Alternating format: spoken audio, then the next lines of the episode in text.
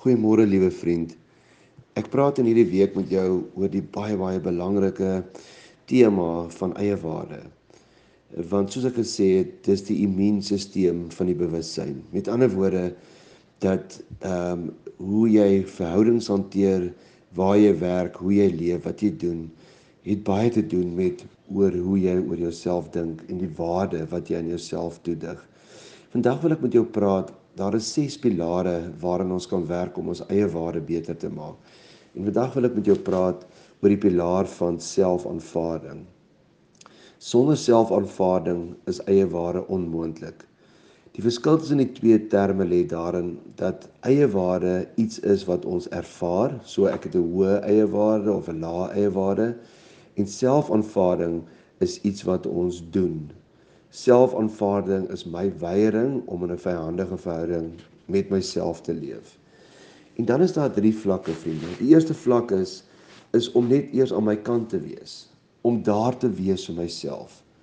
Ek is bewus van my bestaan en leef bewuslik met myself saam. Nou jy sal sê dis voor die hand liggend. Nee, daar's soveel mense wat net leef en net bestaan.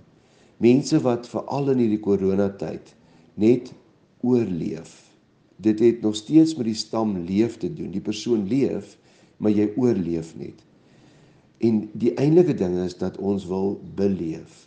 Dat ongeag jou omstandighede, ongeag hoe swaar dit met jou gaan, het jy nog steeds 'n keuse om jouself te aanvaar en met jouself in vriendskap saam te leef.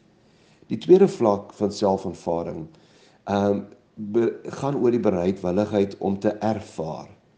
Dit is om dit werklik aan onsself te maak sonder ontkenning. Met ander woorde dat dit is die weiering om enige deel van myself, ons liggame, ons emosies, ons denke, ons aksies, ons drome, ons musiek smaak, ons kos maak as nie ek te aanvaar nie. Met ander woorde, ehm um, jy sê dit is wie ek is. Hierdie is 'n uitdrukking van myself nie noodwendige uitdrukking waarvan ek hou nie. Met ander woorde, ek kan nog steeds foute maak, maar hierdie is ek self.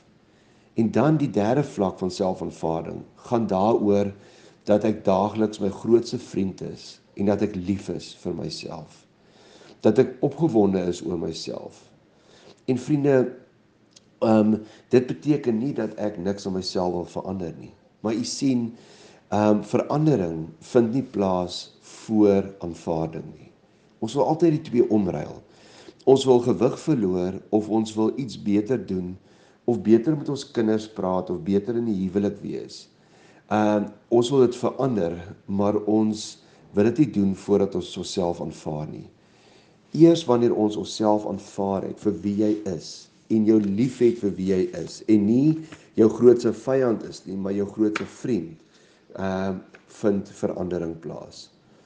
Aanvaarding van dit wat is is die voorwaarde van verandering. En ontkenning van dit wat is, laat my vasgevang wees in dit wat is. Met ander woorde vriende, ehm um, in ons sê dit altyd in die sielkunde, if you can name it, you can tame it.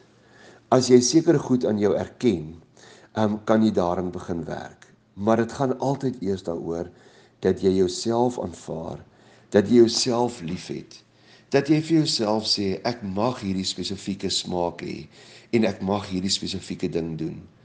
Vriende, ons lewe so dikwels in ons lewe ander mense se lewens. Jy kan nie dit doen nie.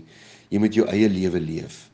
En daarom wil ek vanoggend met Nathaniel Brandon saamstem, maar veral met die Suid-Afrikaanse um motiveringsspreker Mike Lipkin wat sê Ehm um, die belangrikste vraag waarop jy aan die einde van jou lewe moet ja antwoord, is die vraag: was jy jy gewees?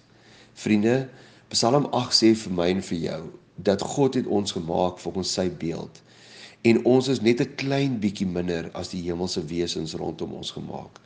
Jy's kosbaar. Ek en jy beslaan 'n sekere spasie, 'n sekere tyd in hierdie heelal. En voor my en jou en na my en jou gaan daar nooit weer so 'n persoon wees nie. Moenie jou verruil vir ander mense se drome en wat ander mense vir jou dink nie. Leef jou eie lewe. Mag die Here vir jou vandag seën.